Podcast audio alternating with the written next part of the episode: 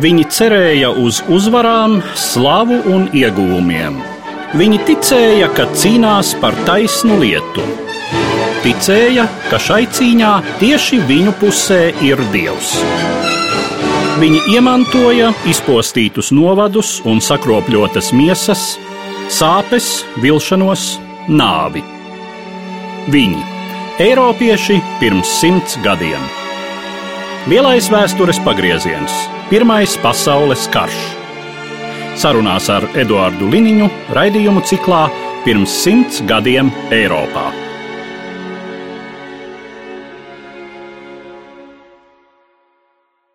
Labdien, cienījamie klausītāji! Turpinot mūsu sarunas par Pirmo pasaules karu, šodien par notikumiem Rietumu frontē 1914. gada otrajā pusē un to, kas bija jauna militārā realitāte, proti pozīciju karš.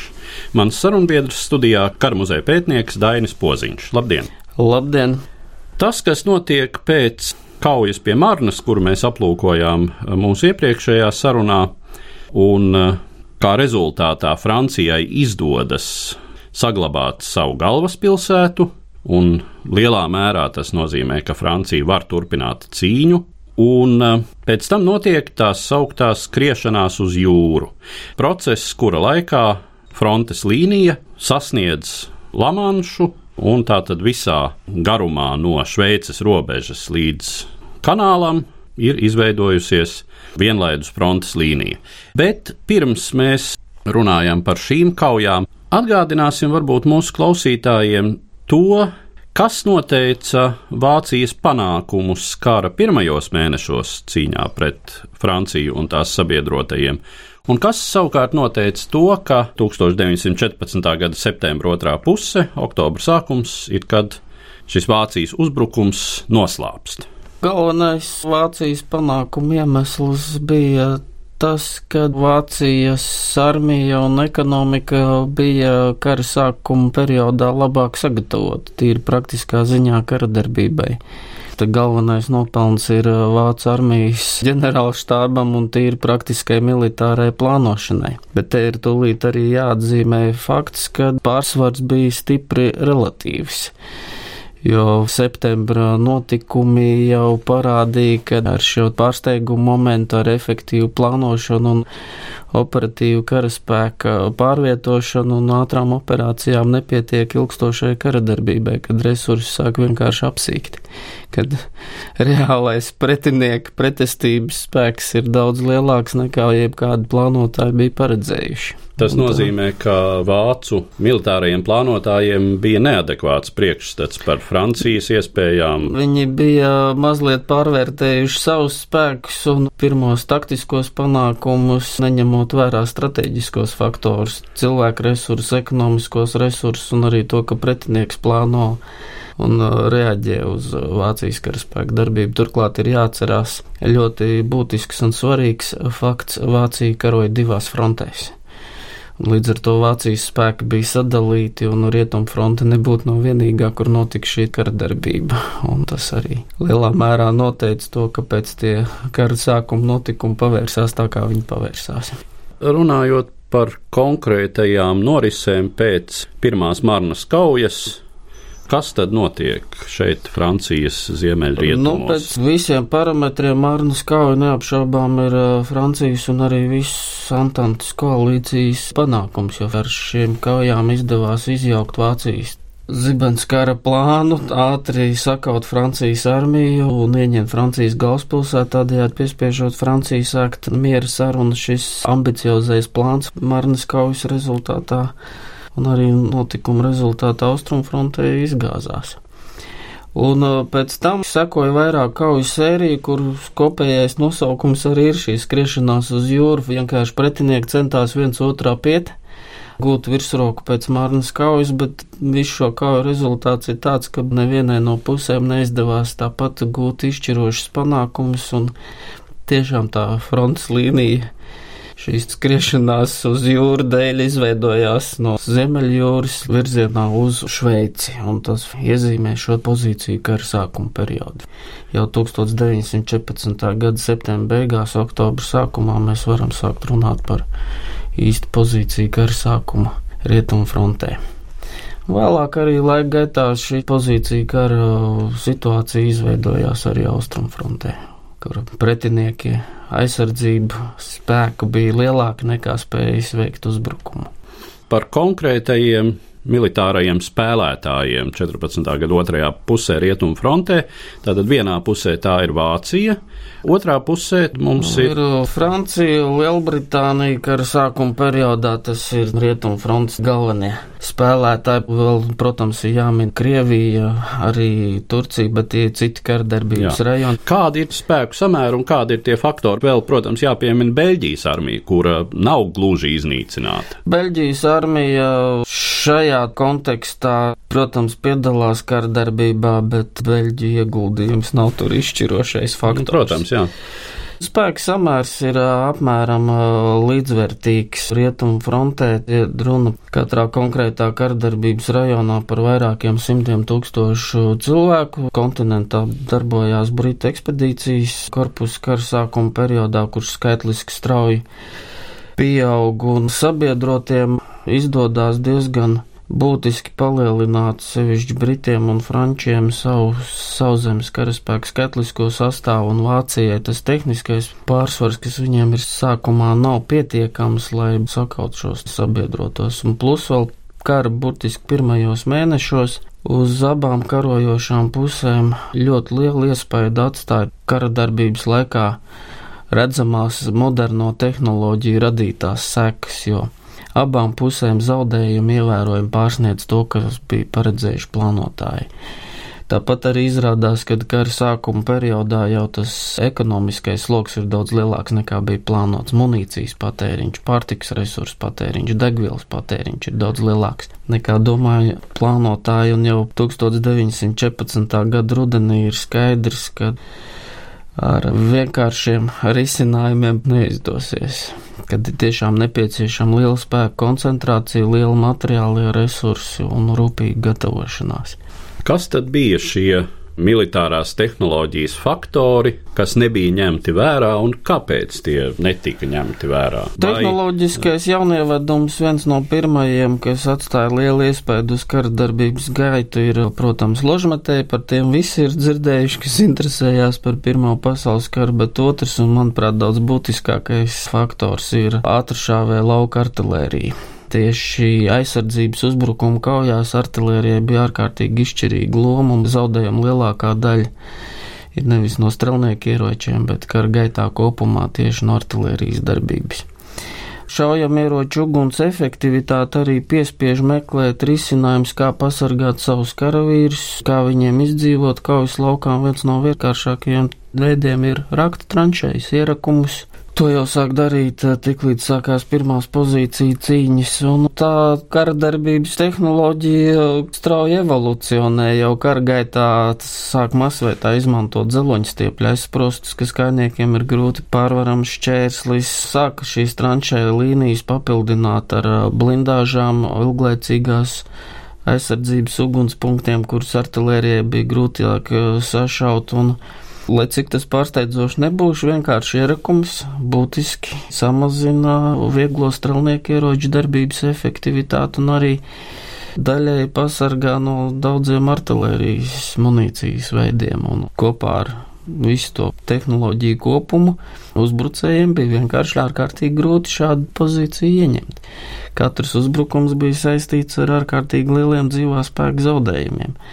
Tas jau bija redzams jau 1914. gada pirmajās rudens kaujās, un tas kulminācijas brīdis pozīcija karam ir 1915. un 16. gads ar visām šīm lielajām kaujām rietumfrontē, kad bija ārkārtīgi lieli zaudējumi gan britiem, gan frančiem, gan vāciešiem, gan arī te pašai Beļģijas armijai. Vai līdz tam pastāvošā dažādu karu pieredze nedēva adekvātu priekšstatu? Nav jau tā, ka nekad agrāk nebūtu bijis pozīcija karš, bet katrā armijā un katrā vidē ir valdošā militārā skola un kara sākuma periodā visas karojošās puses cerēja uz ātru uzvaru un mobīlu ātru karu, pretinieku nostādīt neizdevīgā stāvoklī un tādējādi piespiest viņu sākt mieru sarunas un tad panākt savu rezultātu, bet reālā dzīve izrādījās pavisam savādāk. Arī iepriekšējos karos tas pats Krievijas-Japānas karš jau bija ar pozīciju kara elementiem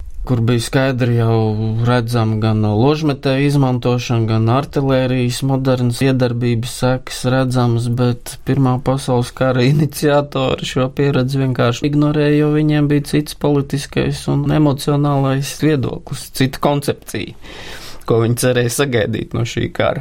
Līdz ar to šī pieredze vienkārši tika ignorēta.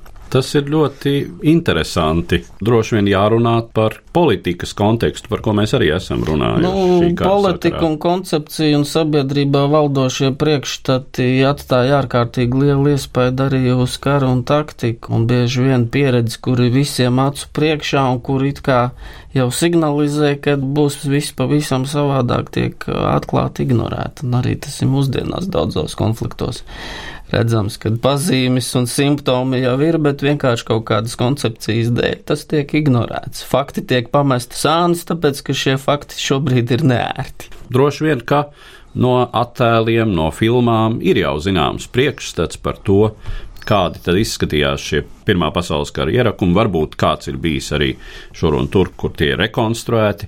Pozīcija karš tīri vizuāli atstāja tādu diezgan nomācošu iespēju, jo kaujas lauks izskatījās šķērsots ar tranšajām, ar šiem dzeloņdrāšu aizsprostiem kauju laikā artilērija mēģināja šīs pozīcijas sadragāt, līdz ar to viss šī karadarbības zona bija izrobota ar šāviņu izsistiem krāteriem kuru lietus laikā pārplūda, tranšējās arī krājās ūdens bitin bieži, un ilgstoši atrašanos šādos apstākļos atstāja psiholoģiski nomācošu iespaidu uz karavīriem, un viens no literārajiem darbiem, kas parāda šo pozīciju kara sadzīvi un iespaidu ir uh, remarka romāns Rietumu frontē bez uh, pārmaiņām. To var izlasīt, un tad zināms tāds emocionāls priekšstats par to, kāds tad ir pozīcija karš radīsies. Un arī tieši šī pozīcija kara lielo zaudējumu iespaidā mainās visa Eiropas sabiedrības psiholoģija, Pirmais pasaules karš ir brīdis, kad uh, armijā atrodas ļoti daudz salīdzinoši augstu izglītot cilvēki, Un uh, ir mūsdienu komunikācijas jau tehnoloģijas, tādā 20. gadsimta sākuma izpratnē ir kino.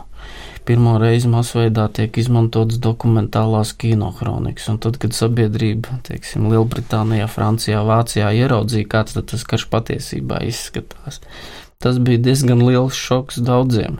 Tā sajūsma par karu kā valsts politikas instrumentu Eiropā ļoti būtiski samazinājās tieši šī Pirmā pasaules kara pozīcija cīņa iespējā. Jo zaudējumu un tas psiholoģiskais šoks bija ārkārtīgi smags, kas tika atstāts sabiedrībā lielajās Eiropas valstīs. Cik var saprast, tad jau 1914. gada beigās parādās arī konkrētas problēmas ar armijas disciplīnas nodrošināšanu, cik tās ir nopietnas un kā ar tām tiek galā karojošās? Tas bija diezgan nopietnas problēmas, jo tur jau 14. gada beigās karavīru, kas atradās frontē jau pietiekami ilgu laiku, jau bija tīri psiholoģiski noguruši, un 14. gada Ziemassvētkos ir uh, šī parādība, pirmā brāļošanās starp vācu, franču un britu karavīriem, kad Ziemassvētku laikā nerakstīts pamieris tiek noslēgts, un karavīri iet pretinieki viens pie otra ciemos un atzīmē Ziemassvētkus. Tas jau parāda, ka tas karš ir eh, tiem, kas tajā ir iesaistīts līdz kaklam apnicis. Tas tika pārvarēts vienkārši ar propagandu, ar vardarbību pret tiem, kas nepakļāvās armijas pavēlniecībai un sodiem. Tā kā ir valstīm un armijai instrumenti, kā piespiest armijas karotu. Tādi disciplināri incidenti Pirmā pasaules kara laikā ir laika pa laikam vērojami, kad sevišķi smagi kauja apstākļos, sevišķi kara beigu periodā un vājākās armijās, vājākās valstīs armijas sabrukuma pazīmes jau kara beigās veidojās. Pirmie par tādu masveidu beigšanu pārliecinājās Itāļi pēc Kaporeto kaujas, kad Itālijas armijā bija pilnīga panika un Itāļi izmantoja speciālas žandarmērijas vienības, kas bloķēja ceļus un apturēja bēgļus un brutāli pat šāva uz viņiem piespiežot atgriezties frontes pozīcijās. Tā kā Pirmais pasaules karš ir skarbs un brutāls pasākums. Kāda paškompensēšanās? Psiholoģiski karavīrs kā visos arī iepriekšējos karos, meklē dažādas izklaides iespējas, teiksim, distancējās psiholoģiski sev atdal no šī kara ar jokiem, ar humoru, ar dažādu priekšmetu izgatavošanu. Tie ceļi, kā tik meklēti, visdažādākie. Nu, viens no visizplatītākajiem ir Tiešām šīs karavīri izklaides spēles, iešana uz meitu mājām, un kā nu kurš tas ir atkarīgs arī no katra cilvēka individu, arī reliģijā meklēja izēja, arī maņticībā, kad ticēja, kad uzrakstīs lūkšanu vai paņems kādu talismanu, un tas tev pasargās no lodēm šķembām. Tā kā tie mehānismi un instrumenti bija dažādi, ko karavīri izmantoja. Turklāt tas skāra arī virsnieks, jo, teiksim, līdz bataljona komandieru līmenim Arī pulka komandieris jau turpat blakus vien ir šajās pozīcijās, un arī viņiem bija jāvada šie karavīri un jāatrod dažādi risinājumi, kā saglabāt armijas kaujas spējas. Viena no metodēm ir varbūt pat visvienkāršākā Franču armijai tipisks paņēmiens, kad karavīriem ikdienā nodrošina apgāde ar vīnu, un ir izstrādāta savu ikdienas sadzīves rituālu, lai noņemtu šo kaujas stresu, lai atgādinātu par mājām. Karaspēka vienības tika mainītas pēc intensīvas kara darbības, vienības atvilku uz aizmuguru frontes līniju, pārformēja, papildināja, tad karavīriem deva iespēju atpūsties no kaujas lauka un zināmā mērā jau tas šo vienību kaujas spējas atjauno. Nu, un ja šīs armijas spēja karot līdz 1918. gadam, tad šie pasākumi bija diezgan efektīvi. Nu, un uz armiju ārkārtīgi lielu iespēju arī atstāja tas, kas notiek frontes līnijas aizmugurē. Tāpēc karavīriem svarīgi bija saziņa ar mājām, Vēstuļu apmaiņa lauka pasts, lai arī tas tika cenzēts, bet tas, ka mājnieks zina, ka viņa dēls vēl ir dzīves kaujas laukā, ka no viņa atnāk vēstule un karavīrs var saņemt vēstules no mājniekiem, no ģimenes, tas arī bija viens no instrumentiem, kas palīdzēja šīm armijām psiholoģiski saglabāt kaujas spējas tik smagos apstākļos. Turklāt mūsdienās tas ir kļuvis par ļoti vērtīgu vēsturi savotu karavīru vēstules un arī karavīru rakstītās dienas grāmatas ir ārkārtīgi vērtīga liecība par to, kas tur patiesībā notika tajā, kā visu laukā un kā cilvēki jutās to brīdi. Cik ilgs laiks paiet, kamēr izpratne par to, ka mēs esam smagi pārreķinājušies, nonāk līdz ģenerāļu, maršalu, vadošo politiķu prātiem un kāda ir viņu reakcija?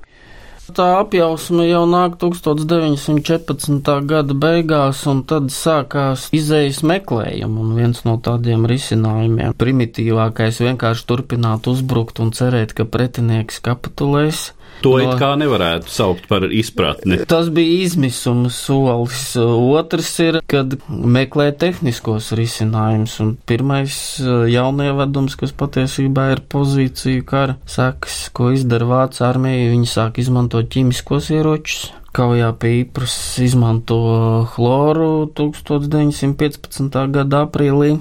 Briti arī pārņem šo vācu jauno ieroci, un Lielbritānijā savukārt tāds tehniskais jaunievedums ir tanku izgudrošana un ieviešana apbruņojumā. Pirmā pasaules kara vidus periodā tankiem ietekme uz kara darbības gaidu nebija tik būtiski svarīga 1916. gadā, bet kara beigās, kad tanku masas tika sabiedrotu armijās Francijā, Lielbritānijā, būtiski palielinātas, tad tanks patiešām atstāja iespēju uz kara darbības gaitu, un viss tas faktiski izriet no šī pozīcija kara, no šiem mēģinājumiem atrisināt šo strupceļu. Nu, jāņem vērā, ka augstākā sabiedrība reaģēja uz šiem notikumiem improvizējot. Tas pirmais trulākais risinājuma veids tiešām bija savākt pēc iespējas vairāk lielgabalu, pēc iespējas vairāk karavīru, nomākt pretinieku ar ugunsspēku, ar karaspēku masu.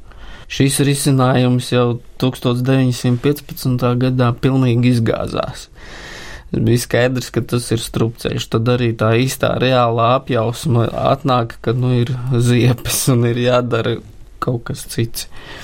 Nu, un, protams, tad arī notiek aizkulisēs dažādi politiskie manevri, kad mēģina panākt mieru sarunas, pamieru sarunas, izkaulēt kaut kādus variantus, sākt šīs mieru sarunas, bet 15. 16. gadā visi šie diplomātiskie mēģinājumi bija pilnīgi bezcerīgi, tur ātri visi šie pūliņi apsīka, tas pats arī ir 17.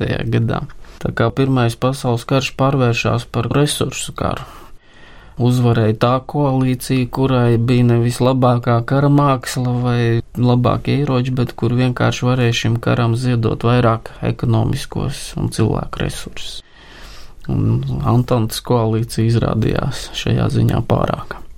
Jā, jūs jau faktiski atbildējāt uz manu nākamo jautājumu kurai pusē šādā pozīcija karā bija vairāk cerību uzvarēt. Neapšaubām Antantei, un tas ir tieši, ja saskaita visus koalīcijas dalībniekus, vienkārši šīm valstīm bija lielāki cilvēku resursi, lielāki ekonomiskie resursi, un pat tas, ka dažos gadījumos Vācija bija tehniski pārāk, sevišķi dažādos jaunievadumos kopumā nedēļ Vācijai strateģiskas priekšrocības. Tas tikai pagarināja šo kara agoniju jo Vācija jau faktiski zaudēja šo karu ekonomiski. Izsīkst resursi, sabiedrība nogurst, Vācijas armija būtu varējusi vēl karot diezgan ilgi, līdz viņas atspiest līdz robežai, bet sabiedrība vairs nav gatava uzturēt šo armiju un turpināt šo karu. Vācijā notiek tieši tas pats, kas Krievijā veidojās revolucionāra situācija tieši šī procesa rezultātā. Vai ir kādas nianses austrumu frontē? Jūs teicāt, ka tur arī iestājas pozīcija karš.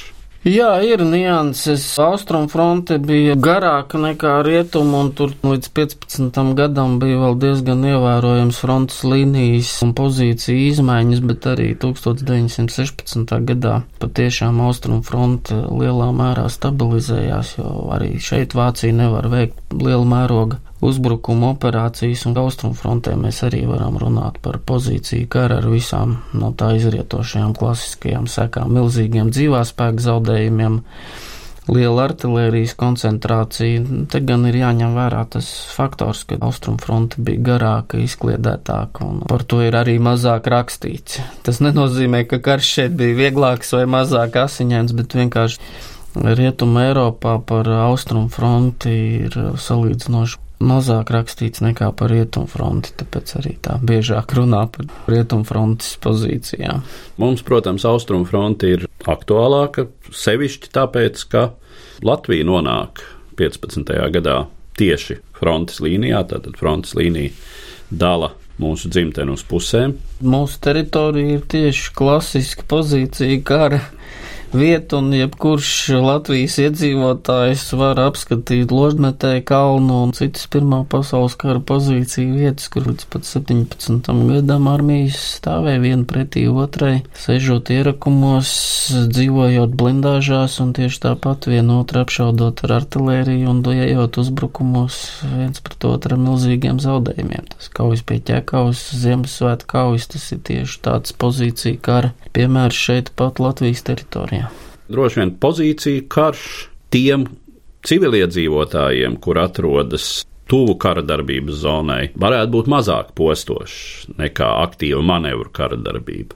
Tas ir relatīvi tādas pilsētas kā Ipra, kas atradās tieši frontes līnijā un tās apdzīvotās vietas, kas bija artilērijas darbības distancē Rietuma Eiropā cieta ļoti spēcīgi. Tur dažas pilsētas, mazpilsētas ir burtiski nolīdzināts līdz pamatiem, tikai drupa kaudzes un skursteņi stāv. Sašauts ir pilnīgi un dažviet kaujas lauku virsmu atgādina pilnīgi tā kā mēnesi, tur pat no kokiem tikai celmu un stumbeņi palikuši, un viss lauks ir pilnīgi artilērijas savandīts, tāds ainas pie verdenes, pie īpras paskatās tā laika fotografijas, kinokronikas skats ir vienkārši baiss, ko var nodarīt intensīvu karadarbību vienā salīdzinoši nelielā teritorijā.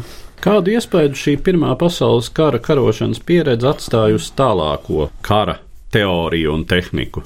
Iespējams ir ļoti liels, jo Pēc Pirmā pasaules kara turpina attīstīties visi tie jaunie kara tehnikas veidi, kas tika ieviesti masveidā Pirmā pasaules kara laikā, tātad tanki, aviācija, un teorētiķi un arī ģenerāļi un politiķi darīja visu iespējamo, lai izvairītos no šādas pozīciju kara situācijas atkārtošanās un ārkārtīgi liels uzsvars tika likts uz uzbrukumieročiem, sevišķi uz aviācijas attīstību un tankiem. Pirmā pasaules kara laikā tās valstis kā Francija, kura pozīciju karu uzskatīja kā savu panākumu, jo viņi pie Marnas bija tieši aizsardzības kaujās apturējuši vāciešus un arī pie Verdenes aizsardzības kaujas. Francijai bija sekmīgas, vairāk paļāvās uz šādu statisku aizsardzību, un līdz ar to Francijā radās šī aizraušanās ar aizsardzības līnijām, slavenā mažino līnija. Bet realitāte izrādījās, ka šāda veida tehnoloģija vairs nestrādā. Ja ir moderna aviācija, ir moderni tanki, tad var atrast līdzekļus, kā šādas pozīcijas sagraut, apiet, un otrais pasaules karš bija krietni dinamiskāks šajā ziņā.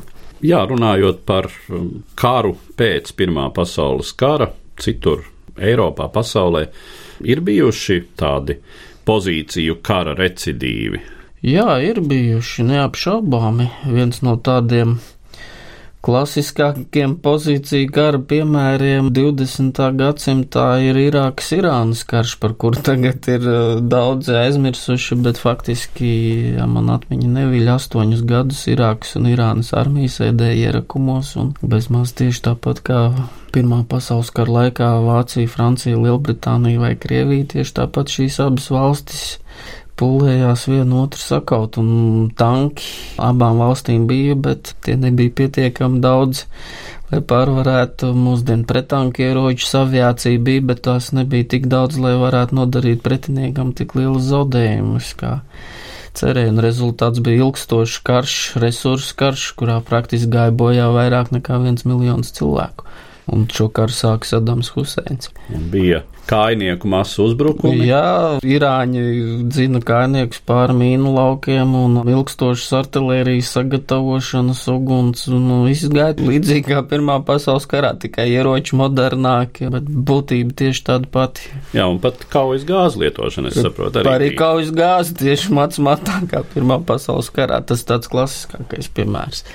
Protams, arī citos konfliktos aizsardzības kaujās tranšējas ierakumi ir svarīgs karadarbības taktikas elements un arī, teiksim, mūsdienu karos, kas mums te vistuvāk notiek Ukrainā, arī veidojās pozīcija kara elementi, karojošās puses cenšas nocietināties, rok tranšējas būvē blindāžas pielāgo māju pagrabas aizsardzībai un arī ir šādi pozīcija kara elementi parādījušies. Tā kā pozīcija karš ir izmantots karadarbībā kopš seniem laikiem. Vienkārši tas Pirmais pasaules karš un tā pieredze padarīja šo terminu populāru. Bet cilvēki jau karo sen, un nav tā, ka senos laikos nebūtu izmantot šādas cīņu metodas, sevišķi uzbrukuma aizsardzības kaujās vai cīņās pie cietokšņiem. Tā, tā ir ārkārtīgi sena kara vešanas metode. Jā, vēlreiz precizējot, cik liela nozīme tam ir mūsdienu kara darbībā, vai, ja tā iztēlojas, cik ir liela iespēja, ka kāds no mums šodien dzīvojošiem varētu, nedod Dievs, bet pieredzēt kaut ko tam līdzīgu. Eiropā starp lielajām valstīm, ja izceltos konflikts, šāda situācija ir uh, maz ticama, jo vienkārši ir uh, citas svara kategorijas, ieroči un tehnoloģijas. Tur būs pavisam cita veida kara darbība. Un par to pat negribētos iedomāties, kā tā būtu. Starp mazākām valstīm lokālos konfliktos tāda tipa kari ir pilnīgi iespējama, un pozīcija kara būtība ir tāda, ka vienkārši uzbrucējiem nav pietiekami daudz spēka, lai uzveiktu aizstāvjus, un gadījumos, kad šis spēku samērs ir atšķirīgs, pozīcija kara situācijas ir maz iespējams, jo vienkārši stiprākais pretinieks vājāko ātri sakauja, un tur nekas tāds nenotiek. Bet Lokālos konfliktos šādas situācijas var veidoties un droši vien, ka veidosies nevienā vien pasaules reģionā.